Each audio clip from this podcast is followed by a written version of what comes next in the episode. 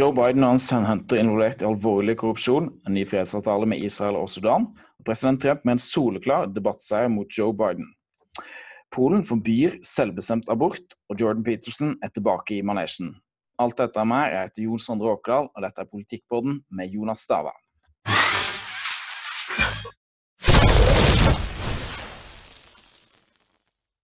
Velkommen til Politikkpodden. Jeg tenkte Før vi begynner, så må vi bare bruke to-tre minutter Jonas, på å si litt om uh, grunnlaget for, uh, for podkasten vår. Det står i beskrivelsen at det er et, uh, nyhetspå, en nyhetspodkast der, der, nyheter blir kommentert fra et konservativt og kristent ståsted. Vil du si litt mer om hva det vil si, Jonas? Ja, det ønsker da å, å kommentere ut ifra et, eh, et, kristent livssyn. At det, det, kristne livssynet da er grunnleggende for, eh, for alt som skjer, og, og måten vi, vi, beskriver realiteter og, og, og, ting i samfunnet på. Og da er det ikke sånn at vi får jo ofte en kritikk at en, en ønsker da et, eh, en, en, en gudestat. Liksom, at alt skal bli styrt av, av guddommelige lover. Og det er ikke det vi argumenterer for. Vi argumenterer vel faktisk for et sterkt skille mellom stat og kirke som institusjoner. Men at det er da ting i det kristne livssynet og kristne prinsipper som kan anvendes da, i alle deler av samfunnet, da, inkludert i politikken. Et, et, kort eksempel på det da vil være menneskeverdet. Det er jo noe som vi absolutt bør, bør ha i politikken. At et menneske har et uh, ukrenkelig menneskeverd, og at vi ivaretar det menneskeverdet. Og at det må anvendes da i, i, i lovverket og i andre ting. Ja, Mitt syn altså, er det samme som ditt. og Veldig kort oppsummert så det er at uh, kirke og stat skal være separert, atskilt.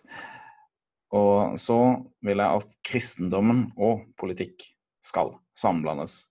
Det høres uh, kanskje absurd ut for mange, men jeg mener absolutt at uh, kristendom og politikk skal Eller det er best om det samlandes, for at kristendommen tilbyr det beste verdensanskuelsen. Det er ikke sånn at du kan drive politikk i et vakuum der du ikke har eh, noen verdensanskuelse, men du vil alltid uansett ha en verdensanskuelse som ligger til bånn, og da er kristendommen absolutt det beste alternativet vi har, der du får mennesker som er skapt i Guds bilde, får det solide menneskeverdet og eh, en, en rett forståelse av rettferdighet, av menneskeverd, og òg et rett forhold til dyr og skaperverket, som selvfølgelig er og som vi må behandle godt, men som da underordner mennesket allikevel. Mennesket er mest verdt.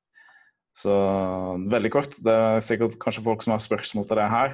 Da kan dere kommentere under i videoen på den, så kanskje vi kan ta en egen podkast eller adressere det litt mer særlig. Yes, men da kjører vi videre på Begynner vi rett på første sak. Det er om Hunter Biden. Han er New York Post kjørte en stor avsløring. Tror den første saken jeg kjørte på det, var da var det 14. 14. Se 14. oktober, her står det, første saken. 14. oktober. Smoking gun email reveals how Hunter Biden introduced Ukrainian, Ukrainian businessman to VP Dad, altså Vice President Dad. Altså Joe Biden under Obama-administrasjonen. Og Her er det altså en sak om at jeg har fått tak i en PC som viser at uh, en laptop som jeg fikk tak i fra en reparasjonssjappe der Hunter Biden hadde glemt den igjen. Der har jeg fått tak i masse e-poster som viser at, um, at, uh, at, at um, Joe Bidens sønn ble satt et, uh, i et styre til et firma kalt Burisma og tjente 50 000 dollar i måneden for å sitte der. Han er helt uten kvalifikasjoner innen olje og gass. Så veldig merkelig utgangspunktet. Og det er saken har vært kjent At han har sittet i det styret og tjent godt, det er en sak som har vært kjent lenge, men Joe Biden har sagt at han aldri diskutert det med sønnen sin. Han, at han har sagt kort um, uh, til han altså I, I, hope what you're doing. I hope you know what you're doing. Og så ble det med en gang uh, da hadde han bare sagt uh, ja, og det var hele diskusjonen jeg hadde hatt ifølge, ifølge, ifølge Joe Biden. Men det er da altså ikke korrekt. Ifølge det de har den infoen jeg har funnet, så visste Joe Biden godt om det her. Her ser du òg eh, e-post, som er skjermen for e-post fra en fyr i Brisma, der det står Dear Hunter, thank you for inviting me to DC and giving me an opportunity to meet your father and spend some time together. Altså, sånn, vet faren av en fyr i det firmaet møtt faren til uh, Hunter Biden, nei, altså faren til Hunter Biden, Joe Biden. da. Så dette er noe som Joe Biden helt klart har visst om og vært med på. Og Det som er veldig graverende, her er at det var en um, statsadvokat i Ukraina begynte å etterforske det her firmaet for korrupsjon. Um, og det som skjedde da, var at han, Joe Biden kontakta da Ukraina og fikk han sparka. Sånn at ikke han kunne eh, etterforske det firmaet som sønnen var ansatt i. Så fikk de på plass en ny statsadvokat i Ukraina som bare handla hele saken. Så ganske graverende ting. Det har balla på seg. I begynnelsen så ville ikke hovedstrømsmediene skrive om det i det hele tatt. Så du ser jo at, at her har de på en måte droppa sak etter sak etter sak. Det her er The New York Post, som først kom med saken.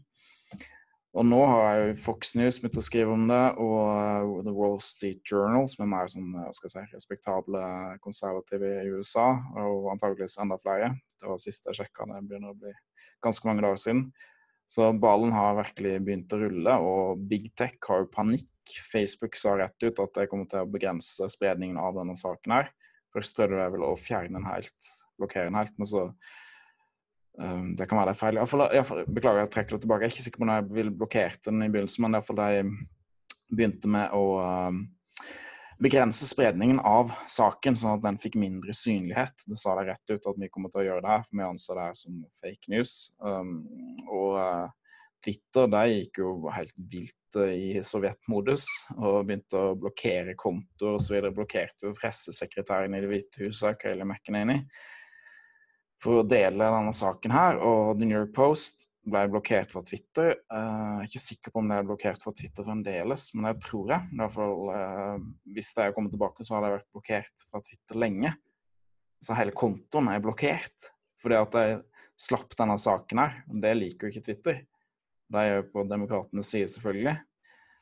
Uh, så, så, det her er løgnimperiet, som er altså The Empire of Lies, som podkasteren på Daily Wire pleier å kalle, kalle det her uh, systemet, da, som er den styrende elite, media, akademia. The Empire of Lies, som vi ser her. Big tech. Der de aktivt sensurerer. Det som er absurd, her, er at du ser på Wikipedia, så står det her på Wikipedia, som liksom skal være nøytral, eh, eller nokså nøytral, iallfall objektiv, forsøk å være eh, nettside som skal forsøke å være objektiv i det informasjon. Her står det helt i begynnelsen om Hunter Biden, så står det Biden and his father have been the subjects of debunked right-wing conspiracy theories pushed by US President Donald Trump and others concerning Biden business dealings and anti-corruption efforts in Ukraine. altså, det debunked right-wing conspiracy theories. Det her, det her er ikke debunked overhodet. Altså, det, er ikke, det påstår at det er gjendrevet høyrevridde, gjendrevet høyrevridde konspirasjonsteorier. Ingenting av det her er, er, er gjendrevet. Heller det motsatte. Det får stadig mer og mer bevis. Og det er masse om tull om Kina i tillegg. At det har drevet med business i Kina, og at Joe Biden òg uh, har visst om det. Du kan si at denne saken har utvikla seg for at først Joe Biden har måtte, antageligvis visst om det her, men med vilje oversette og ikke vært innblanda i det. At Hunter Biden har brukt navnet hans. Så har det utvikla seg videre til at Hunter Biden har uh, Altså at han har uh, Altså, beklager, Joe Biden har visst om det. Um, mer aktivt visst om det, men at han har måtte, godkjent det. Godkjent aktiviteten. Og nå det siste nivået, som det virker at vi er på, er at, at, at Hunter Biden og Joe Biden har drevet med korrupsjon sammen. Det, er altså, det står et sted at jeg e-posten at uh, the big guy skal få 10 av hvem er the big guy, eller kanskje the big man, men det er jo irrelevant. Big guy eller big, the big man. Hvem er det? Jo, det er jo antageligvis da da eh, Joe Biden, som er the big guy her, selvfølgelig, spør du meg Eller jeg skal ikke Nei, beklager. Jeg skal ikke si selvfølgelig, for jeg vet egentlig ikke. Men antageligvis virker det sånn, jeg skal ikke si selvfølgelig, men vi vet jo ikke om det her stemmer, så jeg skal være litt mer forsiktig. Det, vi vet ikke om det her stemmer, men det virker som at det er det som er saken her. Så um, vi får se. Men uh, sånn som Big Tech holder på, så er det ganske absurd å se på, da. Um, og Wikipedia. Jeg vet ikke om du vil si noe om Wikipedia, Jonas? Hva uh, Wikipedia altså, er kjent for uh, redelig og ærlig nå for tida? Ja, jeg kan si noe kort både om, om, Biden og, og, og, Wikipedia. Altså, generelt sett, Wikipedia kan være veldig grei å finne ut. F.eks. Uh, hvor, hvor mange folk som bor i Norge og, og, den type ting. Men når det kommer til ting som er politiske, og, så, så, er det en, en veldig utro, utroverdige kilder, Wikipedia. Beklageligvis. Det har uh, egentlig bare blitt verre og verre. Så jeg, jeg vil absolutt ikke brukt Wikipedia som, som, som en kilde, da, uten at det, det, det handler om nøytrale ting. Eh, fotball, eh, altså sport, eh, altså igjen informasjon om land og geografi og den type ting. Så kan det for sikkert være greie kilder, men, men, når det kommer til sensitive politiske spørsmål, der en har ulike perspektiver og politisk korrekthet og den type ting, så, så finnes det ikke objektivitet, etter min mening. Men. Mm. Ja.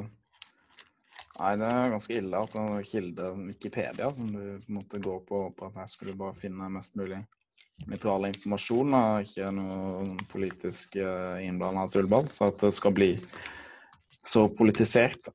Det, det, det, det, er der alle går til Wikipedia. Og, og, I tillegg til det, da, så med tanke på det, du siterte da fra Wikipedia i forhold til, til Biden, at dette her da er debunked right wings conspiracy theories pushed by US president Trump. Eh, det er en bok som faktisk er skrevet av en som forsker på korrupsjon og har jobba med dette i lengre tid, som heter da Peter Sveitzer, som har skrevet en bok da, som heter 'Profiles in Corruption'.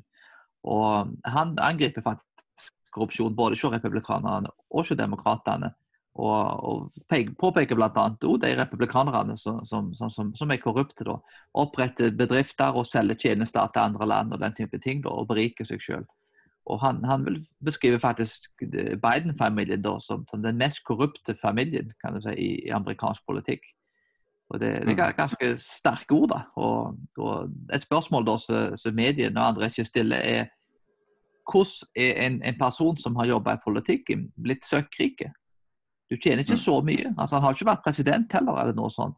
Men hva er det som gjør at, at Joe Biden og familien hans, som da er blitt søkkrike? Og dette er jo et spørsmål som burde blitt spurt i, i, i presidentdebatter, og det burde blitt spurt av mediene. mener jeg. Det, det henger ikke på greit, mener jeg, at, at, folk har så enormt mye penger når, de har en lønn som uh, ikke tilsvarer i, i, nærheten.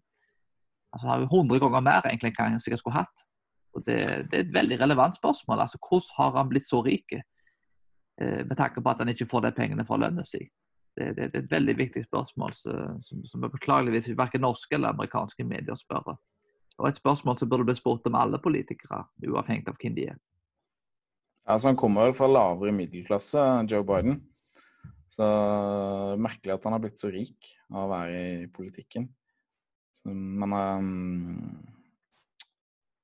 Ja, merkelig. Det er en stor kontrast til, til Donald Trump, da, som faktisk har formuen hans har sunket mens han har vært president. Han har ikke tatt en eneste, eneste lønnsslipp. Han har, tatt, ja, han har ikke fått noe betalt i lønn da, mens han har vært president. Så det er jo selvfølgelig førstesidesaken til NRK, men, men det er sant.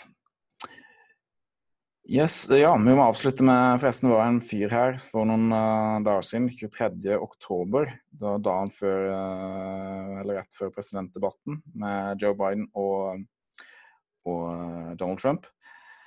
Der fikk jeg fram en fyr her, en tidligere løytnant i den amerikanske marinen, Tony Boblinski, som sier at alt det her er sant.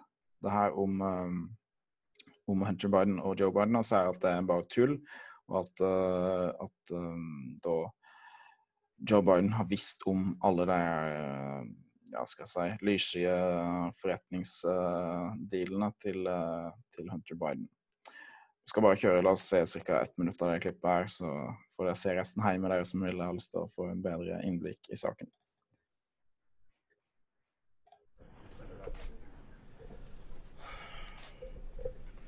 Good evening. My name is Tony Bobolinsky. I served as a lieutenant in the United States Navy with high security clearance. My father and grandfather both served for decades in our country's armed forces. Since leaving the Navy, I've been involved in various successful businesses, both in this country and abroad. I'm making this statement to set the record straight about the involvement of the Biden family, Vice President Biden, his brother Jim Biden, and his son Hunter Biden in dealings with the Chinese.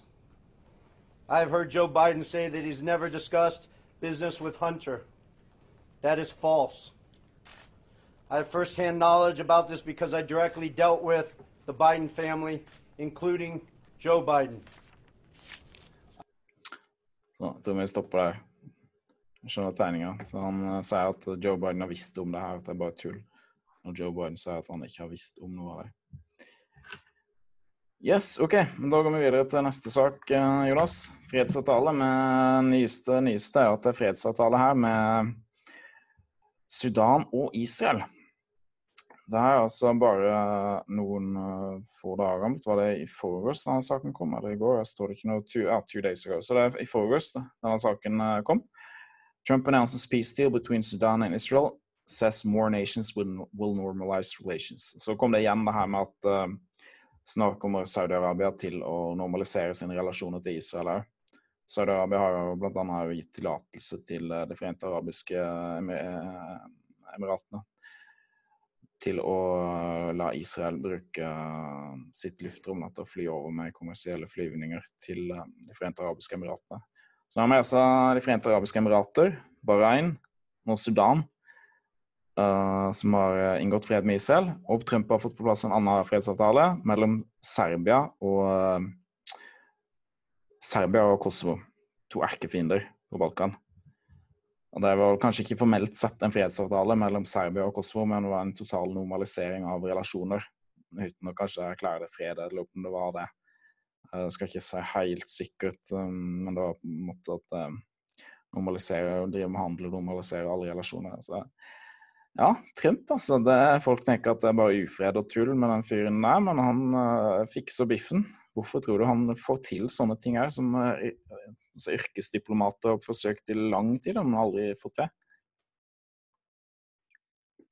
Ja, det, det, er faktisk en ting som har imponert meg mest, faktisk. Med, og jeg var en av de som var mm, forholdsvis skeptiske til Trump. Jeg tenkte at denne karen her, jeg trodde ikke han kom til å vinne, og, og jeg trodde heller ikke kanskje at han klarte å ville klare å få til de tingene. Men utenrikspolitikken til Trump har, har vært veldig god. og hva er årsaken til det? Jeg tror kanskje det kan ha noe med at uh, altså Det er jo et, et, personlig instinkt, men jeg tror kanskje forretningsfolk generelt sett er, er veldig blitt gode å lese folk. Du, hvis ikke så taper du masse penger.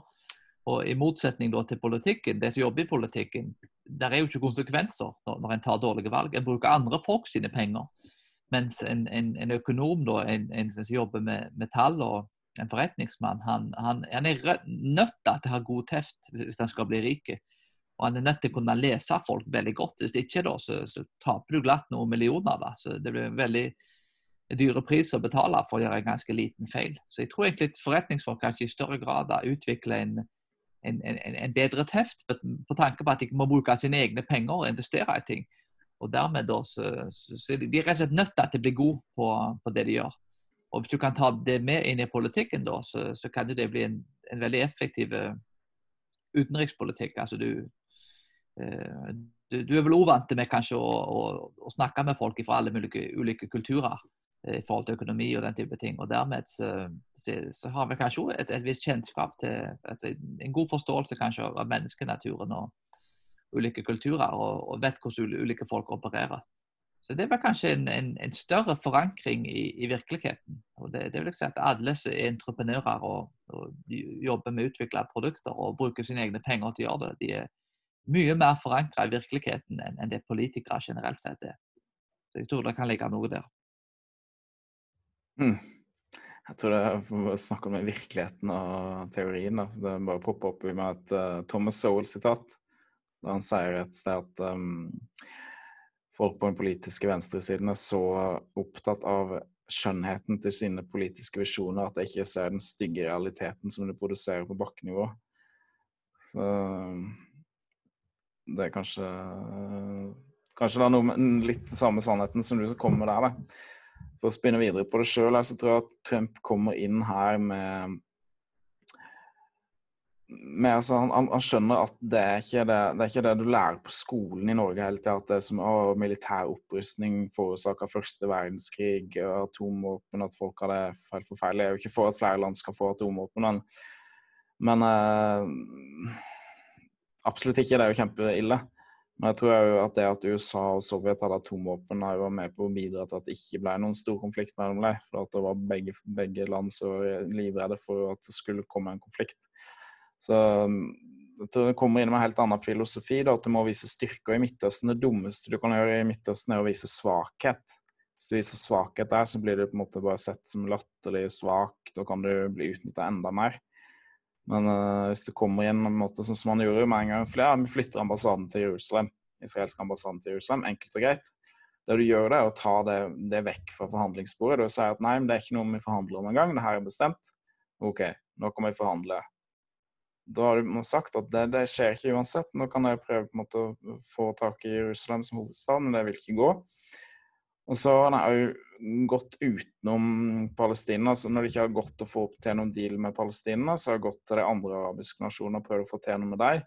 Og Det er jo genialt. og Mange har tenkt at ja, du må få plass, du må på en måte få løst den israelske-palestinske konflikten for å få orden på noe annet med forholdet til forholdet Israel har til andre arabiske nasjoner. Men uh, den hypotesen har jo vist seg å være tull. Og Det som er jo skjer nå, er jo at eh, sånn som Det forente arabiske nasjoner, Emirater, mener jeg, og sikkert Bahrain òg, begynner å bli veldig irriterte på palestinerne fordi at de driver og brenner bilder av flagget deres og prinsen deres i gatene etter fredsavtalen. Uh, og andre arabiske nasjoner er som er irritert på det. Så jeg tror på sikt der så kan det få en løsning på den israelsk-palestinske konflikten. Og hvis de innser at de ikke har noe særlig støtte i den arabiske verden lenger, så vil jeg til slutt da gå med på en avtale med Israel som de ikke er 100% fornøyd med. Sånn som det er nå, så er det på en måte, siden de hele tida blir egga fram av arabiske nasjoner og uh, av òg vestlige nasjoner, og til å på en måte tro at de er så forferdelig undertrykt, og at de bør få en mye mye bedre avtale med Israel enn det det har blitt tilbudt flere ganger, så vil jeg helt holde fast på det håpet. da. Men hvis jeg mister det håpet, så vil jeg kanskje til slutt akseptere noe, da, og da kan du få en uh, løsning der. Så vi får se hva som skjer. En annen faktor er jo forholdet til Iran, uh, siden Obama og Biden drev med en uh, sånn appeasement-politikk overfor Iran så har jo det brakt de andre araberstatene, eh, sunni-arabiske statene, sammen med Israel for å um, demme opp mot den uh, ja, negative innflytelsen til Iran i regionen. Så frykten for Iran er jo stor. Altså, er jo i Saudi-Arabia og sunni-arabiske nasjoner. Det er jo et shia-muslimsk land, Iran. Så med um, å være så utrolig vennligstilte overfor Iran, sende dem massevis av penger for å inngå en avtale som er elendig for uh, USA, så um, har jo det brakt Israel og de sunni-arabiske nasjonene sammen. Altså, Obama skal jo få litt av æren for uh, denne, denne fredsavtalen her. Dog uintendert, men allikevel. Så ja. Det er i noen av mine tanker rundt omkring det her, hva som skjer. da. Jo, absolutt. Altså, det, du har helt rett angående det med bare det med, med islam. kan du si. Jeg har selv bodd i Jordan et par måneder og både studert og, og jobba en del med muslimer. Og i islam da, så er det jo det at eh, altså, Saddam Hussein som et eksempel. Da, det er faktisk en bok som heter The, Closed Circle, tror tror jeg det. Og Eh, men generelt sett den islamske verden er, er, De respekterer bøller. De respekterer en stor og sterk mann som, står og, og, brøler og er sterke og viser styrke. kan du si. De har null respekt for svakhet og ydmykhet og, og, og den type ting. Og Det ligger internt i islam og i den kulturen. Så, så Ironisk nok da, så, så, vil de på en måte ha mye større respekt for en, en politiker som, som, som, som Trump, da, på en måte, som, som egentlig på en måte kan, kan, kan fremtre som, som ei bølle. Og det, det, Å møte den kulturen som du sier da, bare med, med svakhet, kan du si, er, er, faktisk ikke en effektiv politisk strategi. Beklageligvis. Det, så, og, og, angående Palestina også, så det er faktisk en bok som jeg leste nå nylig av han, eh, sønnen av Hamas. Og han var jo sønnen da, til en av de som var med i grunnla Hamas. Og han ble jo da kristen, kan du si, og konvertert og ble selvsagt han fikk jo ikke treffe familien sin og ble utstøtt fra familien i etterkant. Og, og, og han mener jo faktisk at hele den Palestina-greia blir egentlig holdt oppe for, for, at mye av lederne skal få en masse penger. Det blir et enormt pengesluk, egentlig. Og, for når det kommer til bistand og, den type ting, så, så er det beklageligvis veldig ineffektivt. Og til tross for store summer. Norge gir enormt mye penger til ulike land. Vi snakker med folk som jobber innenfor humanitær hjelp og, og, bistand og den type ting. Og, og Terje Tvedt har jo skrevet flere bøker om dette, og, han professoren. og det er ganske altså ineffektivt. Alt går til korrupsjon og til ledere som tar alt. Til tross for at det er en god mening bak og at en vil hjelpe folk, så, så, er det bedre måter å hjelpe folk på. Penger er beklageligvis ikke alltid løsningen. Mm. Ja, det er sant. Yes, men Nå går vi videre til neste sak. Trump med soleklar debattseier. Det er vel bare jeg som har sett debatten her, så får vel jeg si noen ord om det, Jonas. Ja, det, jeg så debatten med Trump og Joe Biden. Og første halvtimen, 40 minuttene, så klarte Joe Biden seg relativt greit. da. Jeg sier etter det, så fremsto Joe Biden som det han er. og Det er dessverre en, en gammel mann, og det er ikke noe stygt sagt mot gamle folk overhodet. Han er vel 78 år, er han ikke det? 77, 70 år, 78 år. Trump er 73, 74. Ja. Så, men altså, uten tvil, altså, Joe Biden er 15 år eldre enn det Trump er i kropp og sinn. Det merker du òg. Og ja, han framsto som trøtt. Han så på klokka. Han uh, begynte å hisse seg opp. Uh, når Donald Trump tok, der, tok opp de greiene med Hunter Biden og korrupsjonen. Så det så ikke bra ut for, for Joe Biden etter hvert. Da har du innført nye debattregler. Den uh, altså, Presidential Commission on uh, The Commission on Presidential Debates. Beklager, nå var engelsken litt vill her. Der det innført nye regler om at de kunne skru av mikrofonene hvis folk gikk over tida si. og Det tror jeg bare hjalp Trump. da. Jeg hadde tenkt på at det skulle måtte ikke hjelpe Trump, da, men det hjalp bare Trump til å være mer disiplinert. Da, for at den, Så mye som han drev og avbrøt i siste debatt, så var det bare utrolig irriterende å se på.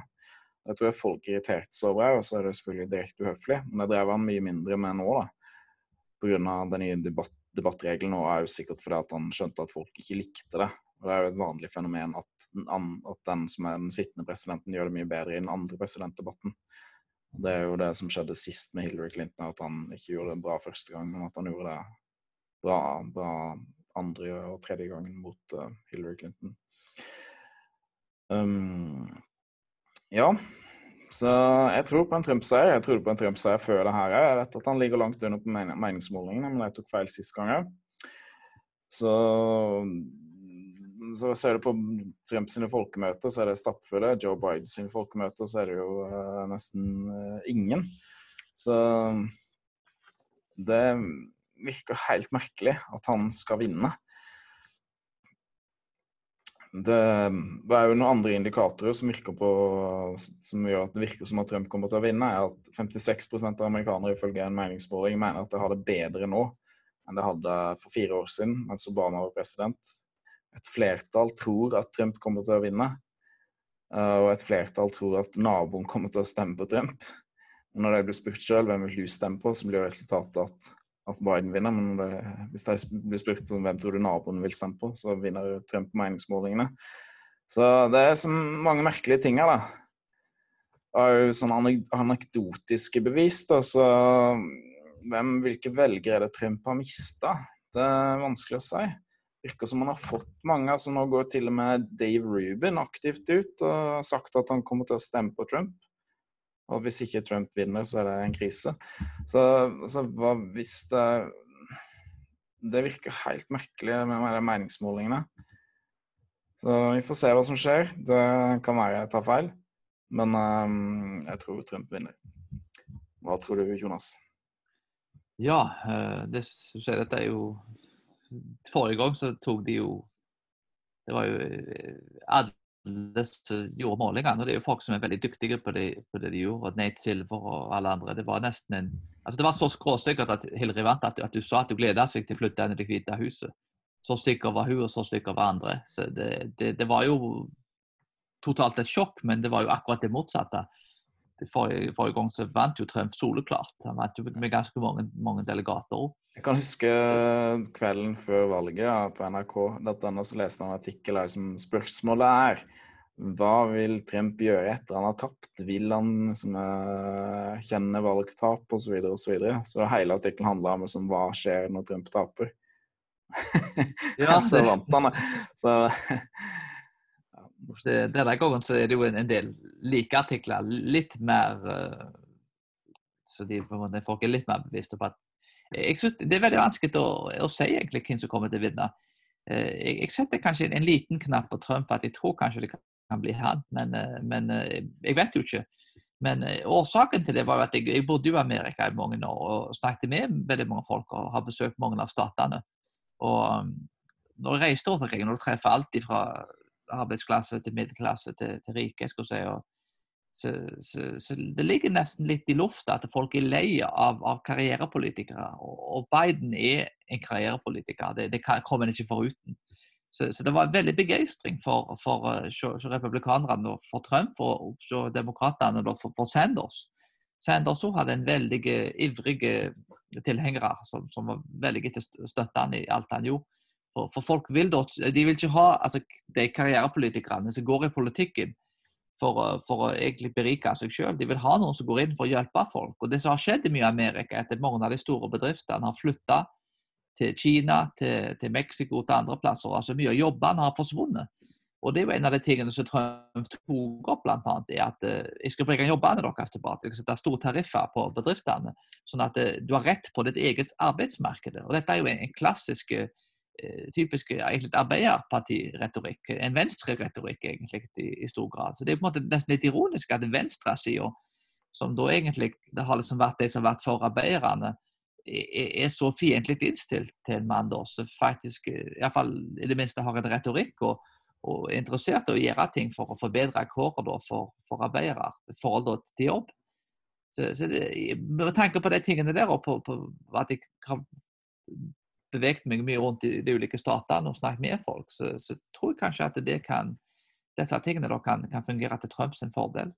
Og at han dermed da kan, kan stikke av med, med ny overraskende seier. Men, men, jeg tok feil forrige gang, og jeg kan ta feil igjen. Så det, det blir uansett veldig spennende å se. Mm. Ja, du kan si at uh, venstresida generelt i Vesten, uh, i USA og Norge inkludert, har bytt ta ut arbeiderklassen, som de ville kjempe for, med eh, undertrykte minoriteter i gåseøyne. Det være seg rasemessige minoriteter eller såkalte seksuelle minoriteter, hva som helst. Da, og da får du den splittende identitetspolitikken da, som jeg ofte ser. Så Da kommer vi til neste sak, som handler om splittende identitetspolitikk. Den her på VG. Her står det veteran mener borgerkrig er et nødvendig onde. Vil kunne skape varig endring. New York, småbarnsfaren Naja Plowden, 39 år, så venner bli drept da han tjenestegjorde i Afghanistan. Han kaller president Trump en hvit nasjonalist, men håper likevel han vinner valget. Altså, altså, vil kunne skape varige endringer. Fremstiller på en måte VG og altså, borgerkrig som et, et, et, positivt alternativ, mulig alternativ. Så Du som har lest uh, artikkelen og sett litt på den, hva tenker du om denne artikkelen her? Uh, Jeg mener den at artikkelen er Det er så mye sprøyt i den artikkelen at uh, han fortjener ikke å bli omtalt spesielt positivt. Og Årsaken til det er for, for min del, det, kommer både av egen erfaring og, og, det jeg på en måte vet om Amerika. Jeg har jo selv veldig gode venner som, som da er svarte amerikanere. De kaller seg ikke selv da eh, African American, kan du si. det. en god venn av meg, han, han sier at det, han er ikke fra Afrika, han kan mindre om Afrika enn en, jeg kan. Så dermed så, så kaller han seg selv en, en, black American. Bare det at en, en bruker det, det, det, begrepet i seg selv, altså African American. Det er faktisk mange svarte amerikanere som faktisk blir fornærma når jeg bruker det uttrykket. Og Det er et uttrykk da, som ble utvikla av identitetspolitikeren Jesse Jackson, da, som uh, har tjent mye penger egentlig på å sette rasene mot hverandre i, uh, i 1988 framover. Og Det handler jo da om å dyrke en, en etnosentrisk gruppeforståelse, der liksom vi tilhører den gruppa. Og det er ikke sånn at altså, Hudfarge er altså, det er jo ikke en uviktig ting. Det er historie bak det og, og den type ting. Og det, det, er jo ting som vi må verdsette at vi, er forskjellige. Og det er jo en positiv ting. Men, men, men, her handler det egentlig om at, at folk, dette blir brukt som et politisk virkemiddel til, til å splitte folk og til å få folk til å hate hverandre. Og jeg kan bare si For min del og for andres del så, så altså, hvite og svarte i Amerika kommer stort sett veldig godt overens. Eh, Kona mi eh, var manager på en restaurant bl.a. Og mange svarte, altså hvite asiatere. skal si Kona mi er asiater. og eh, Stort sett så, så så, fungerer folk veldig godt sammen og jobber godt i lag. og Folk går ikke rundt og hater hverandre. Så jeg vil faktisk si at Det hatet som har vokst frem i den siste tida, er, er, faktisk noe som mediene faktisk har tilrettelagt for. Og, og som, som det og mye av big tech og big business betaler masse penger for. At, at, at folk skal hate hverandre med dette kritisk raseteori og, og alle disse tingene. Bare at Han nevner i artikkelen her for eksempel, at du lærer knapt noe ting om Amerika, om, om eh, raseforhold og, og, den type ting. Eh, altså rasisme. Der er altså I amerikanske tekstbøker, dette er noe alle vet, du lærer knapt om noe annet enn en, en rasisme, og hvor forferdelig Amerika er, og hvor forfalt rasistisk det er. Det er jo, dette her er jo mainstream på universitetene, det, det, det er på skolene, altså det er kulturen, det er Hollywood, det er overalt. Dette får du inn nærmest med morsmelk i den amerikanske kulturen. Så det at vi ikke lærer barna om rasisme, det, det, er helt ufattelig at, at, dette her kan bli, bli publisert i en artikkel. Det er rene, skjære løgn. Det, er, akkurat det motsatte som, som er tilfellet. Og Han nevner jo da at USA er rasistisk, og nå har vi en hvit nasjonalist som styrer landet. Og tingen er vel faktisk det at uh, jeg har selv bodd i, i, på flere kontinenter og besøkt litt, litt over 20 land. Og min oppfatning er at USA er faktisk det minst rasistiske landet. Det er faktisk det første etno um, altså det, multikulturelle, altså etniske demokratiet i verden.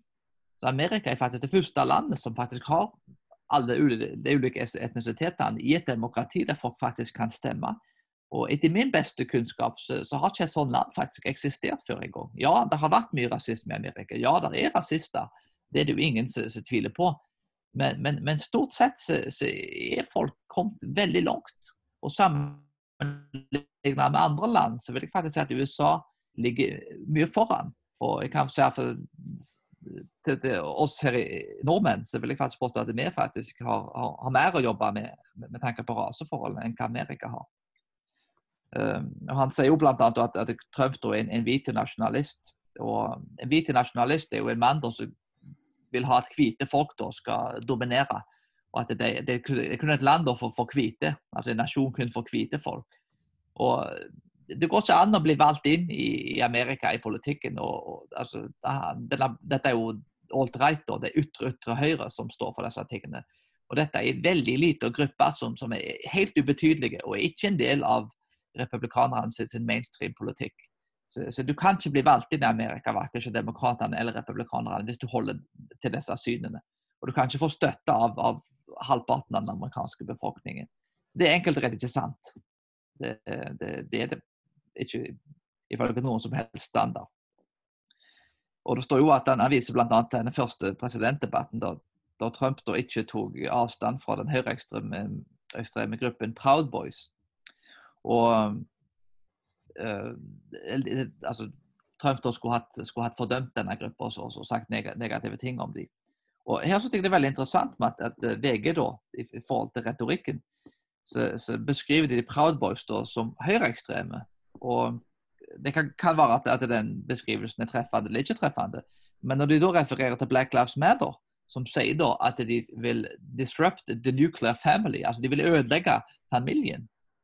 Altså de, de har en, har en revolusjonær marxistisk språkbruk. De blir ikke beskrevet som venstreekstremister. Så hvis en da skal Ja, de er høyreekstremister, og så er de som er venstreekstremister. Black Lives Matter de er liksom bare gode og, og moderate. Mens alle da til høyre for deg blir, blir ekstremister. Så der ser du mediene bruker egentlig en, en, en manipulasjon. Altså en, en som er konservativ da, eller, eller mer mot høyre, blir automatisk en ekstremist, men venstresida blir liksom en normale. Eh, det som er på høyre, må på en måte identifiseres. Det er som en hund liksom, som har tre, tre føtter. Du må liksom si det er en hund med tre føtter. Eh, Men, men så, vi andre vi er helt normale. Vi, vi er sånn som det skal være. Hva tenker du om det? Ja, nei, det er jo helt sant. Altså, det, det, altså, den organisasjonen den eh, Beklager. Proud Boys. Det er kanskje en høyreekstrem organisasjon. Jeg kjenner ikke noe særlig til den eh, i det hele tatt. Men eh, jeg kan litt om at den ble starta av Gavin McInnes som en spøk. Så balla det bare på seg, så trakk han seg som leder. Men eh, den, den er, uansett om den er høyreekstrem eller ikke, så er den i alle fall ikke såkalt eh, en hvit, hvit supremasistisk organisasjon, heller ikke en hvit nasjonalistisk organisasjon, eh, som det ble henvist til under den første presidentdebatten mellom Biden og Trump, der den ble kalt altså, en hvit, hvit supremasistisk organisasjon. Men det er jo feil. Lederen er jo svart. Og det er fullt av latinere med, og svarte med, hvite. Alle forskjellige raser er med i Proud Boys. Så det er bare tull. Men altså, det, det, det er som de sier sånne ting, og så etterpå så skal de forklare at det er riktig. Så jeg så en artikkel, den har ikke jeg funnet fram nå, da, men jeg burde ha funnet fram sikkert, som jeg kunne vist som et uh, absurd eksempel, der de på venstresida i Amerika snakker om multiracial white supremacy. Det er blitt et nytt begrep. Så OK, hvis du er svart, men støtter republikanerne, OK, ja, ok, du er kanskje svart i hudfargen din, men du er ikke svart politisk. For du må støtte demokratene for å være svart politisk. Og, og eh, er det med Joe Biden sa under et intervju i våres eh, på The Breakfast Club, var det vel? Altså, hvis du, han sa ikke bare hvis du stemmer på Trump eller noen andre enn meg, så er du ikke svart. Han sa hvis du tenker på å stemme på noen andre, så er du ikke svart. Så sa jeg hvis du er svart, og du bare i det hele tatt våger å tenke tanken på å stemme republikansk eller libertariansk eller et eller annet, så er du ikke svart. Bare ved å ha tenkt den tanken. Og det er jo helt forferdelig rasistisk sagt, men det er ingen som tar det opp. Altså, Joe Biden sier mange flere rasistiske ting enn Donald Trump. Han sa det med at hvis, du, eh, hvis du tenker på å stemme annet enn demokratisk, så er du rasist. Han sa det i våres. Um, han sa det med Han har sagt tidligere at uh, Obama var den første rene og og på en måte Jeg husker ikke clean, kanskje bare det han sa. Svarte politikerne hadde sett. Og så var det en annen ting han sa nå i våres. Hva var det for noe, Jonas? Det var det med hvis ikke du stemte med, så er du ikke svart. Ja, så sa han det med at hvis eh, sa han at ja, latinerne, svarte, svarte latinos, de er, har masse mangfold innad i sin gruppe, men svarte, det er ikke noe mangfold. Det sa han òg ganske nylig i år. Så mye mer rasistiske ting. Og så sa han òg en annen gang, ja, ved en annen anledning, så sa han at svarte barn er eh, akkurat like smarte som uh, hvite barn. Han sa, sa fattige svarte barn er akkurat like smarte som, som hvite barn. det, det er på en måte OK, hvis du sier det, så går det ut ifra utgangspunktet at uh, at uh, folk mener, og at han da tenkt i utgangspunktet at, svart, at hvite barn er smartere. Så man korrigerer på en måte det synspunktet om at hvite barn er smartere. Men hvem er det som tror det? Så hele mm, uttalelsen impliserer jo rasisme, selv om det kanskje ikke er direkte rasistisk. Men jeg har sett han sier mange tvilsomme ting når det kommer til rase, men det ville jeg aldri tatt opp. Mens Trump det, han har fordømt hvit supremacisme, hvit nasjonalisme, gang på gang på gang. Men jeg måtte si hele tida at ah, men du er ikke klar nok. Du må si det en gang til. Vær litt mer entusiastisk. Vær så snill. Bjeff, hund. Bjeff. Bjeff. Altså, det blir helt latterlig. Og som igjen sagt, Proud Boys er ikke en hvit supremacistisk eller hvit nasjonalistisk organisasjon. Det er en, en, en blank løgn. Så nei, latterlig. Norsk media, det er så mye fake news. Det er så utrolig mye fake news om Donald Trump, om USA i norske medier, at det er helt ekstremt. Det, ja. Yes, det var en liten rant fra meg. Nå går vi videre til neste sak. Um, lærer halshugget i Frankrike på åpen gate. Det, var han eh, Samuel Patty Samuel Patty, jeg vet ikke hvordan uttaler det på fransk helt, men han ble halshugga på åpen gate etter å ha vist en, eh, en eller flere Mohammed-karikatur i en time om ytringsfrihet, der han til og med sa til de muslimske elevene at nå kommer jeg til å vise en Mohammed-karikatur, eller det var muligens flere. Hvis dere finner det støtende, så gå ut av timen nå, så slipper du å se det. Men allikevel så ble han uh, da halshugga på åpen gate etter, etter å ha vist det. Han fikk hodet sitt skåret av med en kniv. Så jeg har sett det bildet av hodet hans, faktisk. Det er ganske veldig makabert. Det skal vi ikke vise på denne videoen her, men uh, ja. Hva tenker du om det her, Jonas? Jeg tenker at det er jo den sanne islam som blir manifestert i Frankrike, da, som, som da åpenbart har et, har et, veldig stort problem med islam. Og, og jeg har selv brukt en del tid på å studere islam, og jeg er overbevist om, om at uh, det han gjorde, faktisk er totalt konsekvent og faktisk en god tolkning av islam. Eh, en bok som jeg vil anbefale til folk. Der Les leser alle bøkene til Nabil Qureshi, men den siste boken, 'Jihad a better way forward', der han da beskriver jihad, og en veldig kort og lettleste bok da, av uh, veldig god forfatter, som da levde som muslim i, i lang tid før han ble kristen. Og, uh, men, men, det ISIS gjør kan i forhold til halshogning og dreping av folk, og, og det den mannen her gjorde, det er faktisk en, en, en ting som er totalt konsekvente med islam. Og, og, problemet med islam er jo Muhammed. Det beste av mennesket som, som noen, noensinne har levd. altså Fred være med han, sier seg, til tross for det var som regel sverd som var med han, ikke fred. Så, så det, det, det, er tragisk. Men, men, jeg må si at vi kommer til å se mye, mye mer av disse tingene. Mye, mye mer. Når du får islam, så får du vold. Du får undertrykkelse, og du får jihad. Og det, det er veldig beklagelig. Og, det er verste, største ofrene for dette er jo muslimer sjøl som lever under terrorregimet. De lever under frykt og, og, elendighet. Og det, det, det, er trist. og Hvis en virkelig er glad i muslimer, tenker jeg, så, så, så må en rett og slett frigjøre dem fra islam. Det, det er faktisk den, den, mest kjærlighetsfulle gjerningen som, som en kan gjøre da, mot muslimer. Og Frankrike bør finne en, en måte å løse dette problemet på, for det, det, kommer til å bli mye, mye mye verre. Dette var en mann som oppriktig trodde at han, han fulgte profeten Mohammed. og leste Koranen, der de vantruende da, som fornærmer Muhammed og, og islam, har, du har rett til å ta livet deres. Det islam skiller et sterkt mellom troende og vantruende. Den vantruende er en annen rangs borger og har ikke det samme menneskeverdet som en troende muslim. Det, det, det, det, er ikke en måte å bygge et sivilisert samfunn på når du har den typen problemer som eksisterer i livet til Muhammed og, og i Koranen.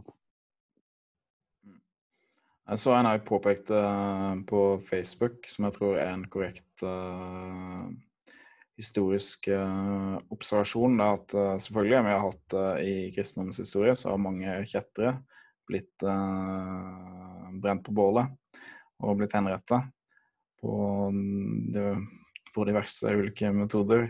Ved drukning, ved um, halshogging sikkert, ved brenning og mye som jeg ikke eh, vil si er bra overhodet, som har skjedd i kristendommens historie. Men det som skiller det her fra islam, altså det er at i kristendommens historie så har det det har sikkert skjedd, men det har vært i hvert fall vanvittig vanvittig sjeldent at privatpersoner har sett at en person har begått blasfemi, og så gått, da tatt saken privat i sine egne hender og gått og drept den personen. Det har sikkert skjedd, men det har i hvert fall vært uhyre, uhyre sjeldent. Mens i islam så er jo det her så, eh, relativt vanlig da, at, folk blir, ser at um, profeten Mohammed blir krenka. Og, eller eh, de tenker i hvert fall at det er krenking. Og så at en privatperson da tar saken i egne hender, for han blir så såra og så sinna, så går den personen og dreper personen som da har begått blasfemien. Mens i kristendommens historie så har det blitt tatt, uh, vært rettssak, og så har personen blitt dømt til døden.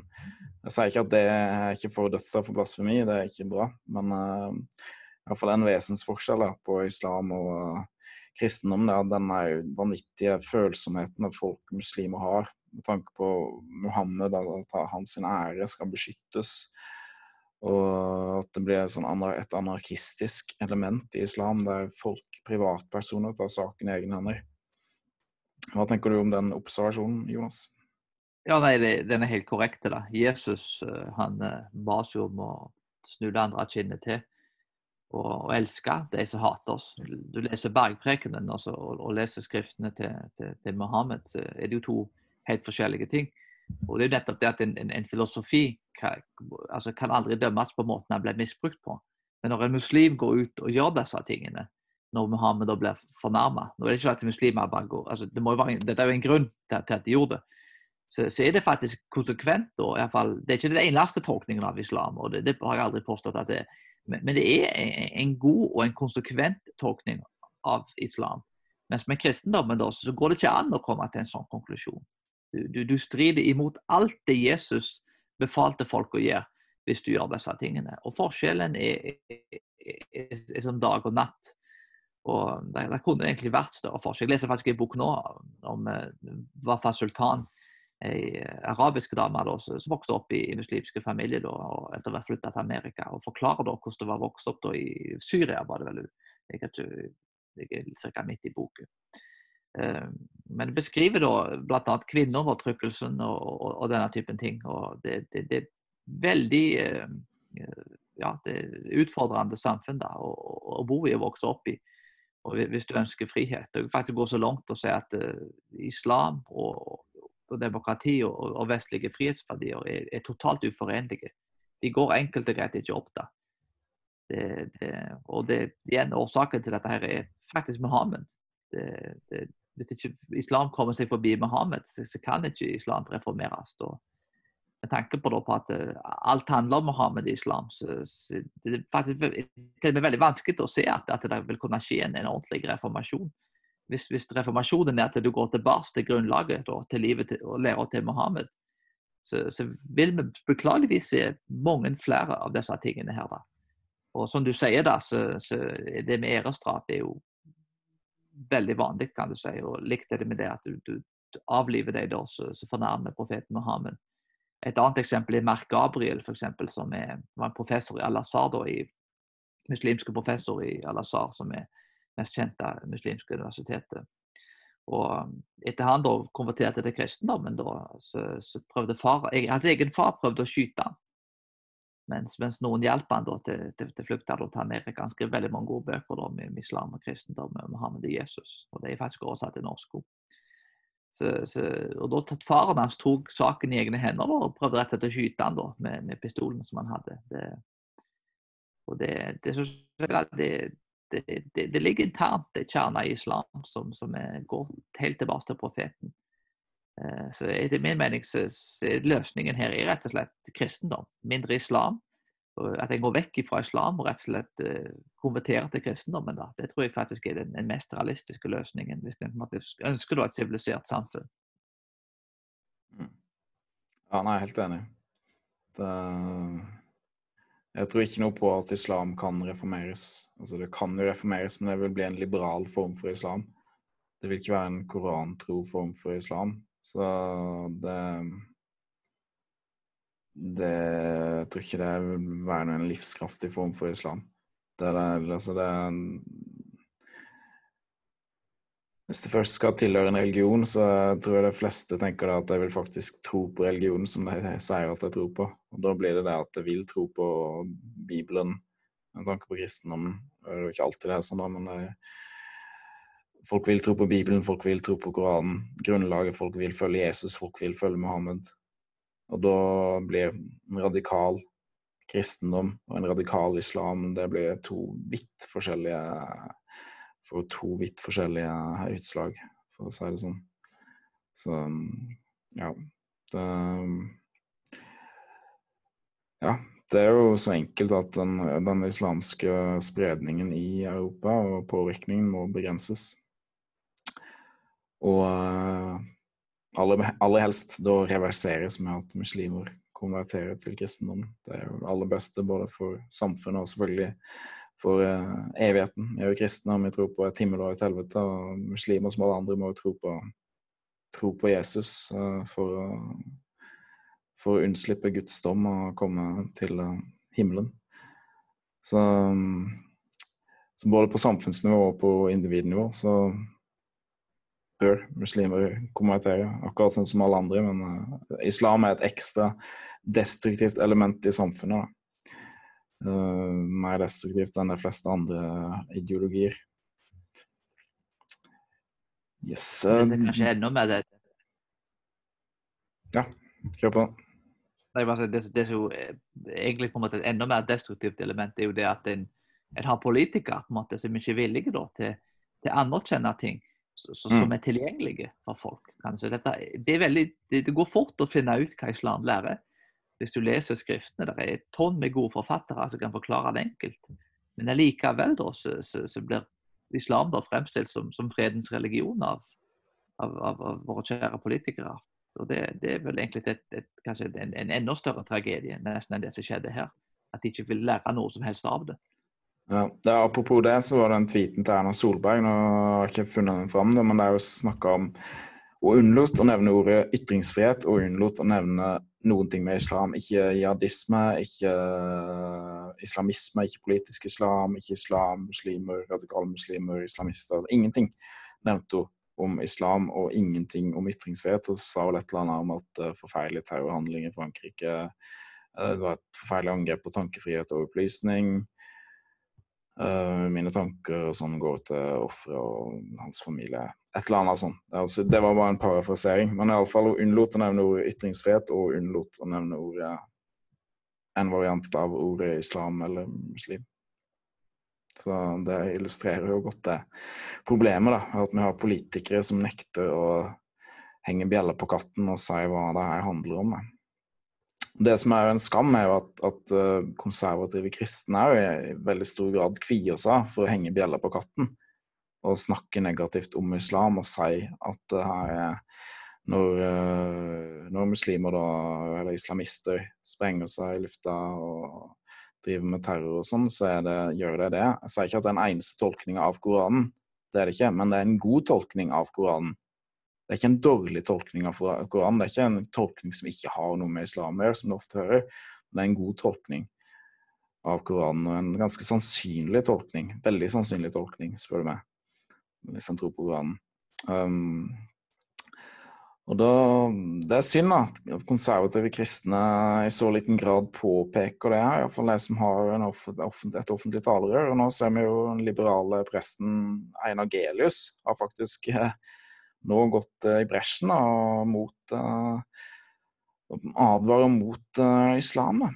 Og Einar Gelius er så uenig med teologisk som det antakeligvis går an, men her må jeg faktisk si at han har fullstendig rett, og at han viser mot. Han, han, han, han utviser en, en, en, en, kristen dyd som er mot.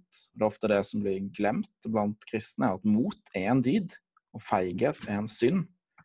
I, uh, i Johannes' åpenbaring så står det om folk som skal havne i ildsjøen. Og blant deg, så, i den lista der, jeg husker ikke hvilket kapittel, så står det 'de feige'. Blant de som skal havne i ildsjøen. Så Paulus snakker om mandighet som uh, en dyd.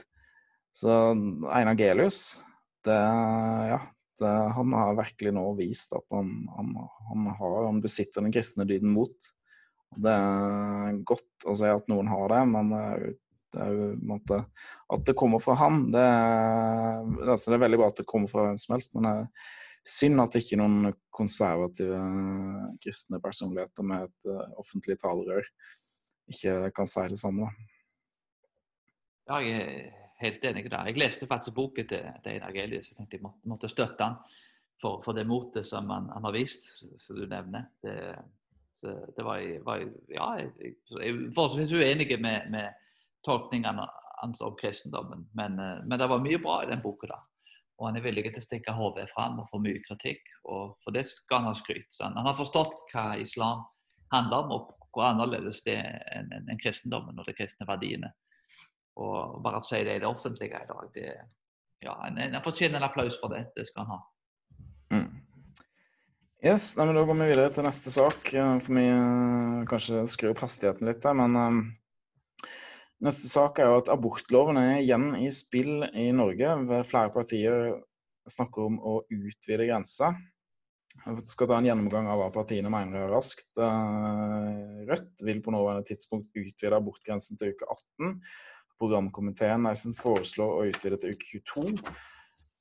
Eh, Sosialistisk Venstreparti vil utvide til uke 16. Arbeiderpartiet støtter dagens abortlov, og et mindretall vil øke grensen til uke 18. Senterpartiet eh, støtter dagens abortlov. altså Den er jo at loven lova har, har, har får selvbestemt abort fram til uke 12.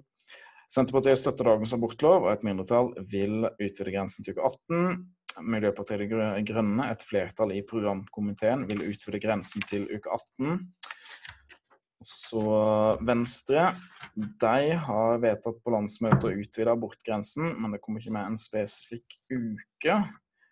Den kristne avisen Vårt Land, der kan jeg dele skjermen forresten, de har selvfølgelig en uh, Så jeg må få den opp her. Beklager.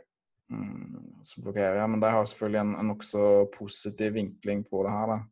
Der de snakker om uh, ja, vårt land Venstre vil utvide kvinners abortrettigheter. Ja, så det er jo vårt land i et nøtteskall, altså. Så hvis du abonnerer på Vårt Land og du kaller deg kristen, så oppfordrer jeg til å si opp til abonnementet med en gang. For det er Vårt Land det er en ugudelig avis. en grei digresjon. Ok, Høyre de vil beholde dagens abortlov. KrF vil erstatte abortloven med en såkalt livsvernslov.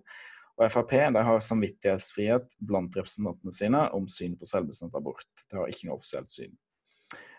Så her ser du at det er flere partier som altså vil utvide abortgrensen. og Mange ganger når jeg har snakka med norske kristne, så sier de at uh, så sier de at ah, altså, den er tapt, la oss ikke snakke noe om den. Nå har vi liksom uke tolv, og den kommer til å være der. og det er på en måte Sett i forhold til USA, f.eks., så er det jo relativt restriktivt til USA. Det er vel at du må ha fram til uke 20, ifølge Høyesterett. I alle stater så er det mange stater som har enda seinere, og fram til uke 24 kanskje enda seinere enn det. Så det er jo helt vilt. Men um, så mange kristne mm, som jeg snakker med, er bare sånn at selv om de er imot, imot abort og syns abortloven er forferdelig, så tenker de at nei, altså denne kampen er tapt, la oss ikke fokusere noe på det. Vi vil på en måte ikke skape noe trøbbel i samfunnet osv. Men eh, OK, her ser du. Kristne har vært passive. Vi har eh, sluppet ballen for lenge siden. Nekta å ta denne saken opp for at det er ubehagelig. Og hver gang det har vært noen som har stått fram og prøvd å kjempe mot abort, så har folk sagt at ja, Børre Knutsen og Ludvig Nessa sånn, ja, jeg støtter deg i sak, men ikke i metode. Ok, Hvis du er imot deg metoder, hva er din metode? Hva er din metode? Altså, det viktigste her er å gjøre noe. Er å kjempe mot det her. Eh, jeg kjenner ikke så mye til altså Jeg levde ikke på den tida, kanskje jeg var bitte liten, jeg er født i 89. Jeg kjenner ikke så mye til hva Børre Knutsen gjorde på den tida. Men uansett hva han gjorde, da, kan du ikke applaudere han for, for, å ha gjort noe, i det minste. Og så Hvis du er uenig med metoden, så kan du si at bra at du er imot uh, abortloven. Ok, Jeg er kanskje litt uenig med deg i metodene, men her holder jeg på med mine egne metoder. Men uh, kristne har vært så vanvittig passive her, så det er en, en skam, altså. Det må jeg si. Hva tenker du, Jonas? Jonas? Absolutt. jeg tenker på Ja, hallo? Hallo, jeg hører deg ja. Ja, det, nei, jeg tenker jeg, Det har vært, vært en altfor sløve holdning. Og i, i, Amerika så er jo den pro life-bevegelsen blitt ekstremt sterk blant unge folk. Og en, en, veldig sterkt voksende bevegelse. Og det er faktisk folk i Amerika som sier at det, det er ikke usannsynlig å tenke at, at Roe versus Wade og at abortloven da, så, så ble vel godkjent på, på 80-tallet. Den, den 1972-73 var det jeg husker helt feil. Ja, ja 72 eller 73. Eh, at 73 den kan faktisk bli fjerna. At abort og Det, det vil gå tilbake til hver stat. Så det, det, det, er på en måte retningen ting er på vei mot der borte. Eh, så, så, og jeg tror ikke at nordmenn nødvendigvis trenger å være så pessimistiske med, med tanke på utviklingen. Og, og en, en, kort kommentar da, i forhold til alt dette her med, fra professor i filosofi Egil A. Wuller. og Han mente jo at uh, loven om selvbestemt abort var et tegn på det norske folks indre forråtnelse, og at den norske kulturen står i fare for å gå i oppløsning altså Når du gjør mødre om til bødler, så, så, så, er det vel nesten en lite håp egentlig om at, at landet da kan ivareta menneskeverdet, som da er så fundamentalt. Altså, hvis du ikke på en måte forsvarer de mest hjelpeløse av alle, så, så, vil det ha en sterk påvirkning på, på, hvordan du forstår livet som helhet. Og det vil nok òg lede til mange andre ting som, som, er svært uheldige. Vi, jo, altså, vi er jo mot dødsstraff. Altså, vi, Breivik som går og dreper nesten 100 ungdommer på ei øy. Han får gratis uh, ting i, i, fengsel og, og lever forholdsvis komfortabelt. En mann da som bevisst går inn for å drepe folk, han, han, uh, han, han får ikke dødsstraff. Mens uh, et, et, ufødt barn da, mener jeg, som er helt uskyldig, som har gjort noe galt, da, blir avlivet.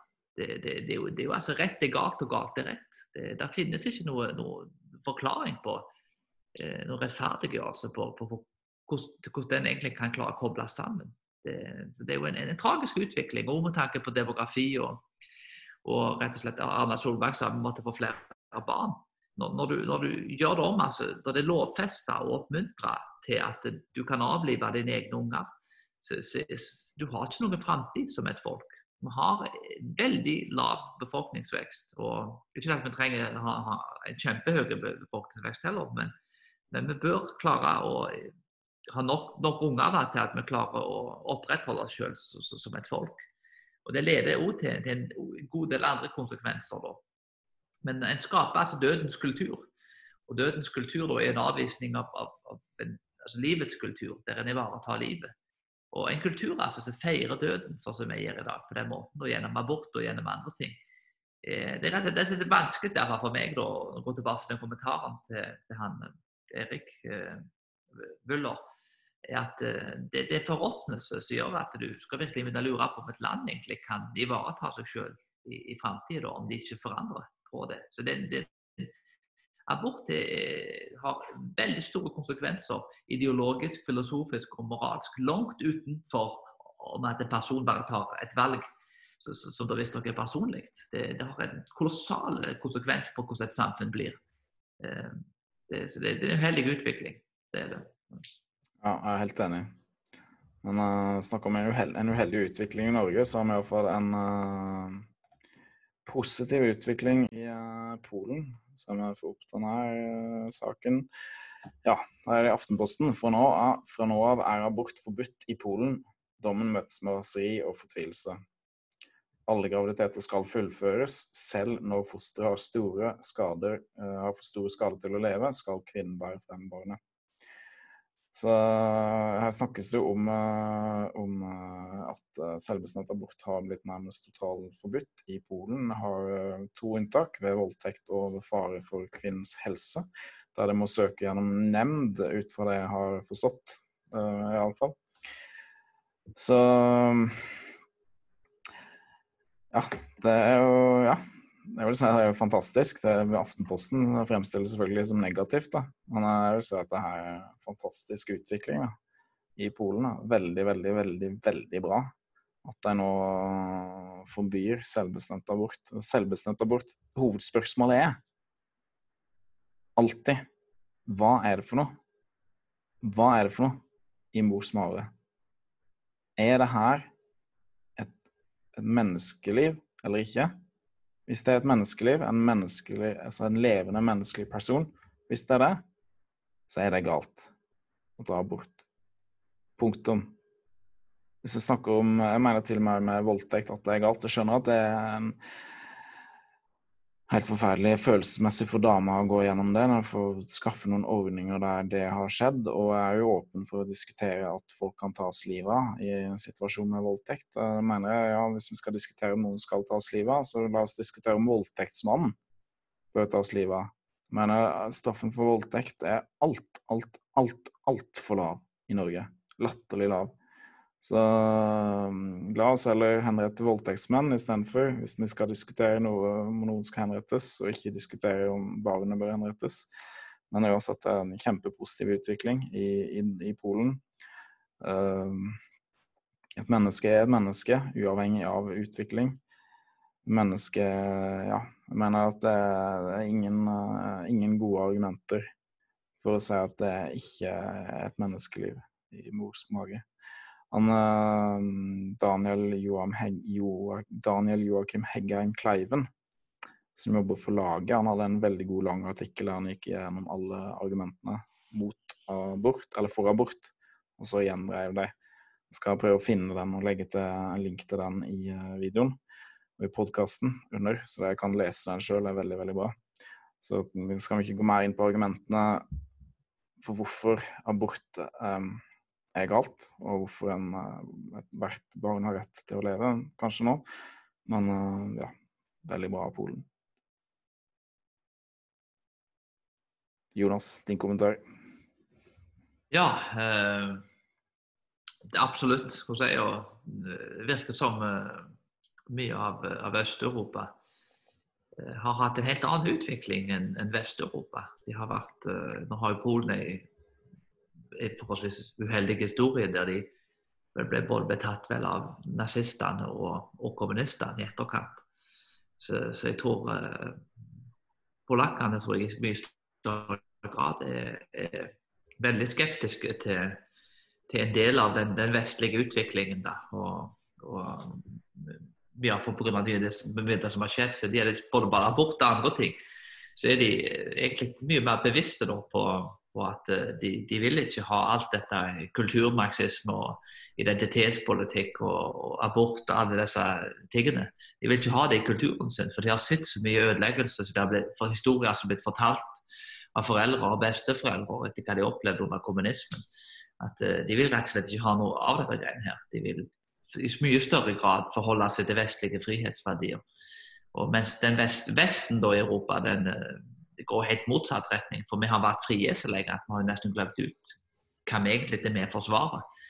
Så, så hvis det var Vest-Europa som berga, berga Vesten tidligere, altså blir det kanskje Øst-Europa denne gangen som kommer til å berge Vesten.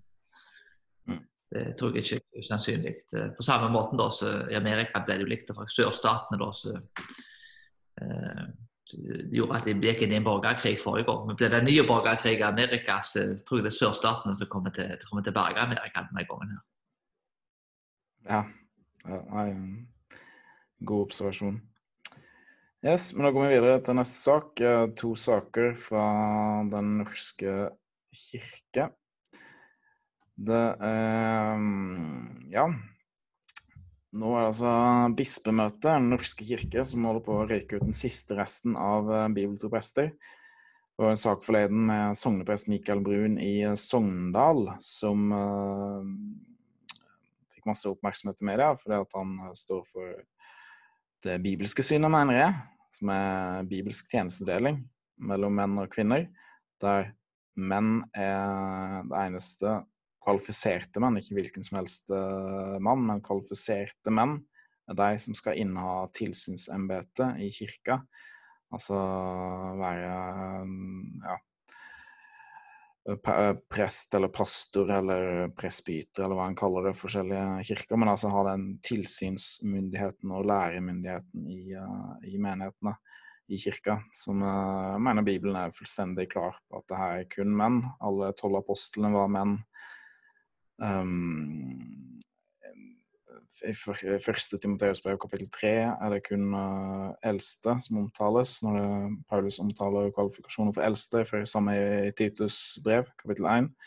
Det er vel kanskje bare ett kapittel i det brevet. Uh, Iallfall der er det kun menn som uh, omtales, og i apostlenes gjerninger så ser vi når Paulus innsatte eldste i hver by, så er det kun menn som blir innsatt som eldste hele tida.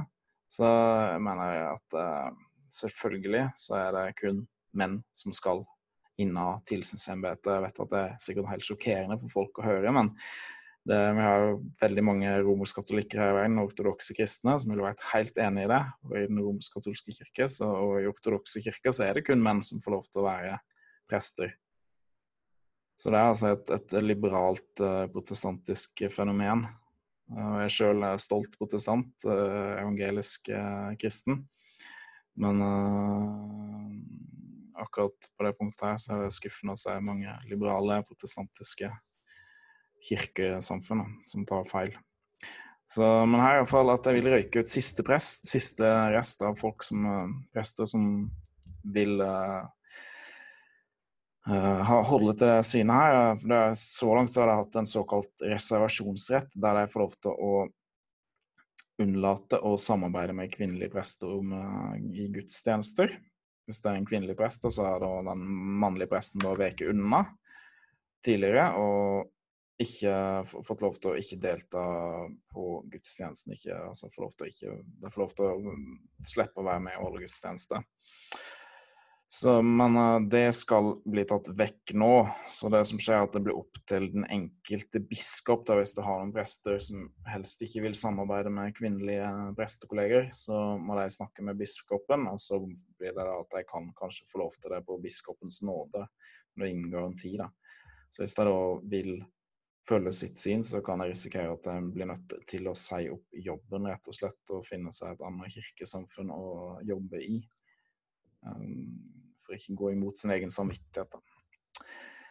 Så, men det som er positivt her, er jo at Den norske kirke faktisk innser at de må drive med læretukt. Så, men dog driver de med omvendt læretukt. De driver med læretukt mot de som er bibeltro. De skal ut mens de som ikke er bibeltro, de får lov til å bli. Så positivt at de innser at de må drive med læretukt, men negativt at de driver med omvendt læretukt. Jonas? Ja, absolutt. Det er fascinerende at du, du blir tukta i dag i, i Den norske kirka for å faktisk følge det som står i Bibelen. Og, og det, dette her er da som uh, altså, Det er åpenbart, som du sier, ut ifra tekstene, at det, er jo det som står. kan du si. og jeg syns er det minste at det kunne vært en, en, ærlighet rundt det. At det, det, er dette som står, men vi liker det ikke. kan du si. Det, men, altså, det for, altså, det som sier det, da, at de, at de ikke godkjenner da, at, eh, at, det er mannfolk da, som skal være uh, hyrder i, i, menigheten. At en, uh, jeg synes Det er nesten det tragisk at det ikke er mer diskusjon altså, rundt bibeltekstene og rundt disse tingene der. Men uh, og En annen ting er jo det at det er jo veldig stor presteavmangel i disse dagene. og De sliter veldig nå med, med, med finneprester, og det virker som det bare blir mer og mer og mer presteavmangel. Så, så, det på en måte røyker ut da, på en måte de, de bibeltro prester. så er jo, Men jeg ikke akkurat noen spesielt effektive taktikk da, for å klare å fylle det behovet. Så, så det presteavmangel. Så, så, det er en, en, en tragisk utvikling. Men, men jeg har sagt i lang tid at den norske kirka er i ferd med å undergrave seg selv helt. Enten så blir hun reformert og finner tilbake til røttene sine, eller så kommer det knapt til å være folk som kommer til å gå der på gudstjenester lenger. Jeg tenker det at Hvis du ikke lenger preker det som står i Bibelen, og, og hvis du preker om eh, klima og alle disse andre tingene, så tenker jeg da, da, har du egentlig ikke noe unikt å tilby. Men det er andre organisasjoner og folk som gjør en mye bedre jobb med å forkynne de tingene. Det er ikke kirka, men jeg er kirka, og du ikke får det, det hellige, det som er fra Gud, så, så tenker jeg da, da, er det ikke noen grunn til å gå i kirka. Men nei, det er kun det som kirka har å tilby, som da er unikt og, og spesielt. Altså Hvis frelsen, da, så mange prester mener jo at alle er frelst, og det er ikke himmel, helvete, noen ting. Hvis, hvis en da tror det, så, så hvorfor gå i kirka, mener jeg. Det, der er jo ikke konsekvenser uansett på, på måten en lever på. Så da har ikke kirka i stor grad undergravd sin egen autoritet. Og jeg vil faktisk si at uh, godkjenningen da, av, av, av, kvinnelige prester har vel kanskje vært hovedårsaken til at liberalteologien har kommet inn og undergravd kirka. Uh, kvinnelige prester har vært en bidragsyter til til godkjenningen av homofili og, og, andre ting.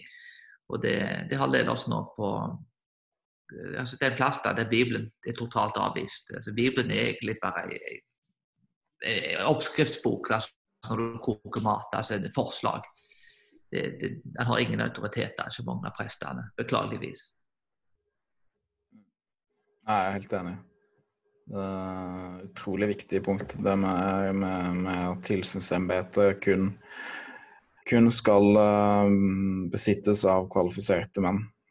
Jeg mener det at når du først uh, måtte stoppe og begynne kampen på det punktet med om en skal godkjenne um, homofilt samliv eller ikke, så har en blitt latt seg drevet tilbake av liberal teologien altfor langt.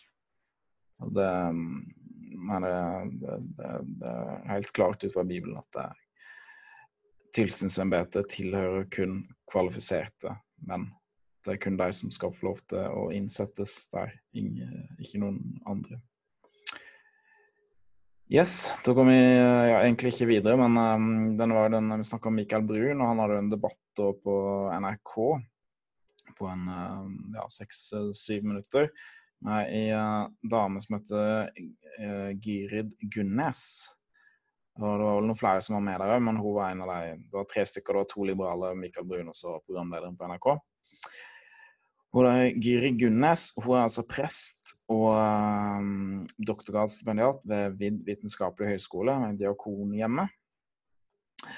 Og hun får jo lov å holde på i Den norske kirke. Det er ingen som snakker om å drive læretukt på henne, selv om hun skriver en artikkel her der hun mener at eh, vi kanskje da bør vurdere å lese mm, altså bebudelsen, altså det at Maria får budskap om at hun skal bli med barn og føde Guds sønn, at vi bør lese, eller at ikke at vi bør, men å foreslå iallfall at det er en mulig lesning av den teksten, eh, er å lese det som seksuell vold. Så hun da anklager Gud for å være en seksuell overgriper, rett og slett. Eller en potensiell seksuell overgriper. Så det her er jo Ja. Folk kan lese den sjøl, men det, det, det, det, det, altså, det er helt, helt, helt, absurd, da, spør du meg. At det skal få, få lov til, at du skal få lov til å være prest i norske kirker og skrive noe så, så, så gudsbespottende som det er her. At det er helt grotesk. Ja, jeg, jeg, jeg, det var en som sa, jeg snakket med han sa men han var overbevist om at det var mange prester i Den norske kirke som ikke engang var truende, som egentlig var ateister. Det, det, hadde ikke overraska meg om, om, det var sant, men det er ikke noe som kan bevises, selvsagt. Men, men det som sier det, det, men i forhold til den, den overskriften der, så, så, skal en virkelig begynne å lure. kan du si. Når jeg har lest en, en god del av utsagn fra den liberale teologien. og det, om, hadde, om, hun hadde avvist Jesus' oppstandelse, så, så tror jeg ikke det, det hadde hadde betydd noe, til tross for at du da per definasjon ifølge Bibelen selv faktisk ikke er kristen. Det er jo eh, så, så, Om jeg da ikke tror på Jeg tror altså ikke det hadde engang hatt noen påvirkning. Men, men er, er, du da imot uh, disse typiske eh, fanesakene da, som uh, kvinnelige prester og homofili og andre ting, så blir du røykt ut da med en gang. Så Det er jo åpenbart at uh, det, det er politisk ideologi som egentlig har overtatt kirka. Og kirka er blitt en humanistisk folkekult. Det er jo ikke lenger en kirke som står på bibelsk grunn. Og kanskje egentlig på en måte så hadde det vært, kanskje vært best at de, de bibeltroprestene egentlig går ut av kirka og så overlater kirka til Guds dom. Ja, nei, ja, jeg vet ikke helt hva som de bør gjøre, men eh, ja. Det er iallfall dårlige tilstander i Den norske kirke, det er sikkert og visst. Kan jo hoppe litt videre til en annen artikkel som Gyrid Gunnes skrev tidligere i år. Nå opp det George Floyd-opptøyene, en um, BLM-opptøyene og Black Lives Matter. Det, BLM er jo en, ja, en hel episode for seg sjøl, det, så jeg skal ikke gå inn på den, mye av den ideologien. Det ble jo sagt litt om i stad, hva de står for osv. Ja. Men uh, iallfall var det da et en, en artikkel da, eh, i Vårt Land 7.7 eh, i år, der hun stiller spørsmålet bør vi rive Nidarosdomen. Og at eh, ja, altså, Nå snakker om kirkens majoritetsvasking av Olav, av Olav den helliges vold. Så snakker om at, at Nidarosdomen kan støte norrøntroende de som tror på de norrøne gudene. Det som, litt, det som, er ganske komisk, er jo at det eneste som jeg vet om i Norge som tror på de norrøne gudene, det, eller det er kanskje flere, men veldig mange i hvert fall, av de som tror på de norrøne gudene i Norge, er jo nynazister. Det er jo folk som da, vil hate folk, som George Floyd, har hatt svarte mennesker pga. rasen. Altså det er de som eventuelt vil bli støtta av uh, Nidarosdomen. Så ja, helt merkelig hele greiene. Altså det det er ganske sykt at det har teologer. Ja, det er helt, dette, er, dette, er, dette er altså en doktorgradsstipendiat. En dame som kommer til å lære opp andre prester i teologi. Som hun foreslår å rive Nidarosdomen, og hun foreslår å lese historien om, um, om uh, at Maria får budskap om at hun skal føde Guds sønn som seksuell vold. Så det her er altså lærerne til prestene våre. Det, det her er ja, Eller lærerne til prestene i Den norske kirke og mange andre prester. For at det, veldig mange av de som studerer teologi, vil jo studere på MF eller et eller annet sted. Det er ikke bare lutheranere som går på MF, det var ikke MF å gå på, men vid vitenskapelig høyskole. Folk fra alle mulige kirkesamfunn på alle mulige skole, teologiske skoler. Så ja. Ikke bra. Yes, da får vi avslutte med en gladsak, eh, Jonas. Jordan ja, Peterson. Jordan Peterson, hvordan går det med han for tida? Jonas? Ja, Jordan B. Peterson. Ja, han, eh, ja, han er jo kommet tilbake nå, da. Så det er jo en, en veldig god nyhet. Ja, som sagt. Og igjen, med forhold til han Gelius, som du nevnte, så at han Pedersen eh, besitter jo den viktige kvaliteten da, som er mot. Og det er også helt interessant med Pedersen at han da ble Han er jo egentlig blitt kjent for å, for å nekte å bruke et da, på, på, på, folk. Altså bli tvunget da, til å gjøre det. da. Han vil at det skal være et frivillig valg. da. Han vil ikke at lovverket skal tvinge folk til, til, å, til å, si at en, en, mann er dame, en dame er mann. Så han er på en måte, egentlig ble verdenskjent pga. at han, eh, ville kalle mannfolk for mannfolk og damer for damer. Så det jo, Vi forteller på en måte litt hvor absurd verden, verden er blitt. Og, men han er jo eh, blitt, blitt en verdenskjent formidler der han egentlig snakker vel om de aller fleste evnene. Og han, han trengs da fordi at han, han snakker egentlig uh, sant om, uh, om, mange ulike ting. Og, og er villig til, til, til, å ta veldig upopulære syn om ting som, som egentlig alle vet er sant, men som egentlig våger å si. Så Han setter jo egentlig bare ord på folk, eh, så han setter ord på det folk egentlig tenker og mener om ting, men, men de er redde for å si de tingene. Så Han har jo vært syk nå i et år. og ja, men vi trenger rett og slett folk da, som, som bryter med politisk korrektheten. Og med, men enig i alt de har å si, er ikke, ikke alltid så betydelig. Men så lenge de snakker sant om mye og, og er villige til, til, å bryte med politisk korrektheten, så må vi være veldig takknemlige for alle folk vi kan få til, til å være med og, og støtte, støtte, det prosjektet. Ja, han er vel ikke kristen på samme måte sånn som vi tenker, eller han tror ikke på den varianten av kristendom som vi, vi tror på. Det, ut fra det mitt inntrykk, så har jeg hørt, uh, ut fra, jeg har utallige timer med han. Men um, han sier faktisk i denne videoen her at han er tilbake, og han sier at det er pga. Guds miskunn og nåde. La oss uh, se videoen her. Anyways, I'm not going to make this a long video. I wanted to tell you that I'm back in Toronto, that I'm in much better health, although it's still severely impaired, especially in the morning. Um, but I can work again, and I really want to.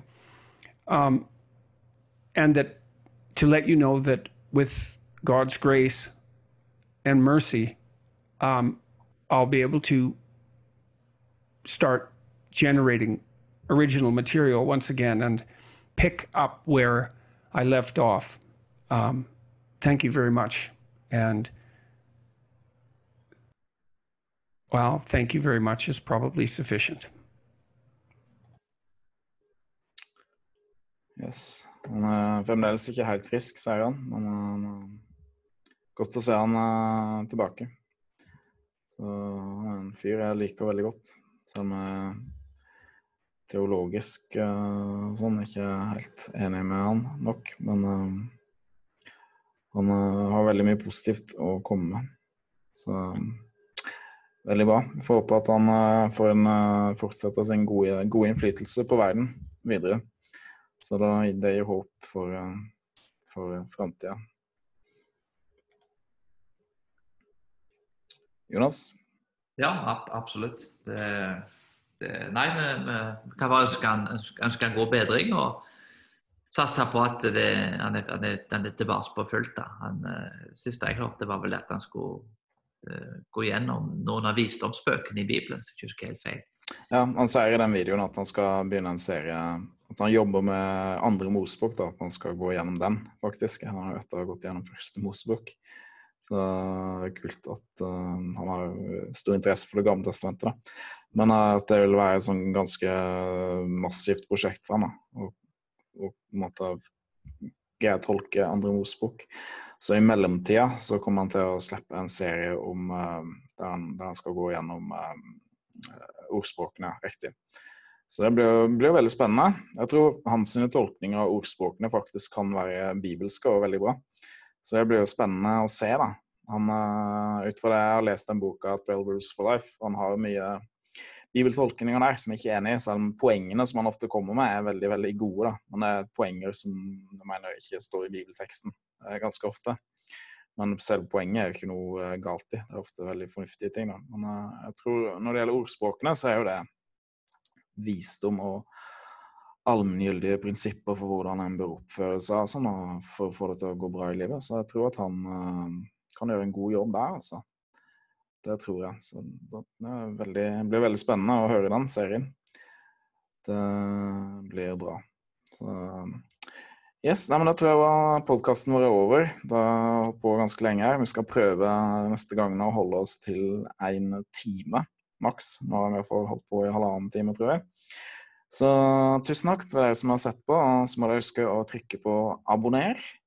Og trykke på bjella i tillegg, hvis dere gidder det. Men det viktigste er å trykke på abonner. Og så kommer vi tilbake da neste uke. Det blir sluppet ca. Ja, neste helg. Da kommer vi med en ny video der vi går gjennom ukas nyheter og gir kommentarer. Så hvis det er noen spørsmål eller et eller annet om podkasten, om uh, noen nyheter, om et eller annet, så er det bare å skrive det i kommentarfeltet, så kanskje vi tar det opp i neste episode. Yes, takk for at dere ser på, og så får dere ha det bra.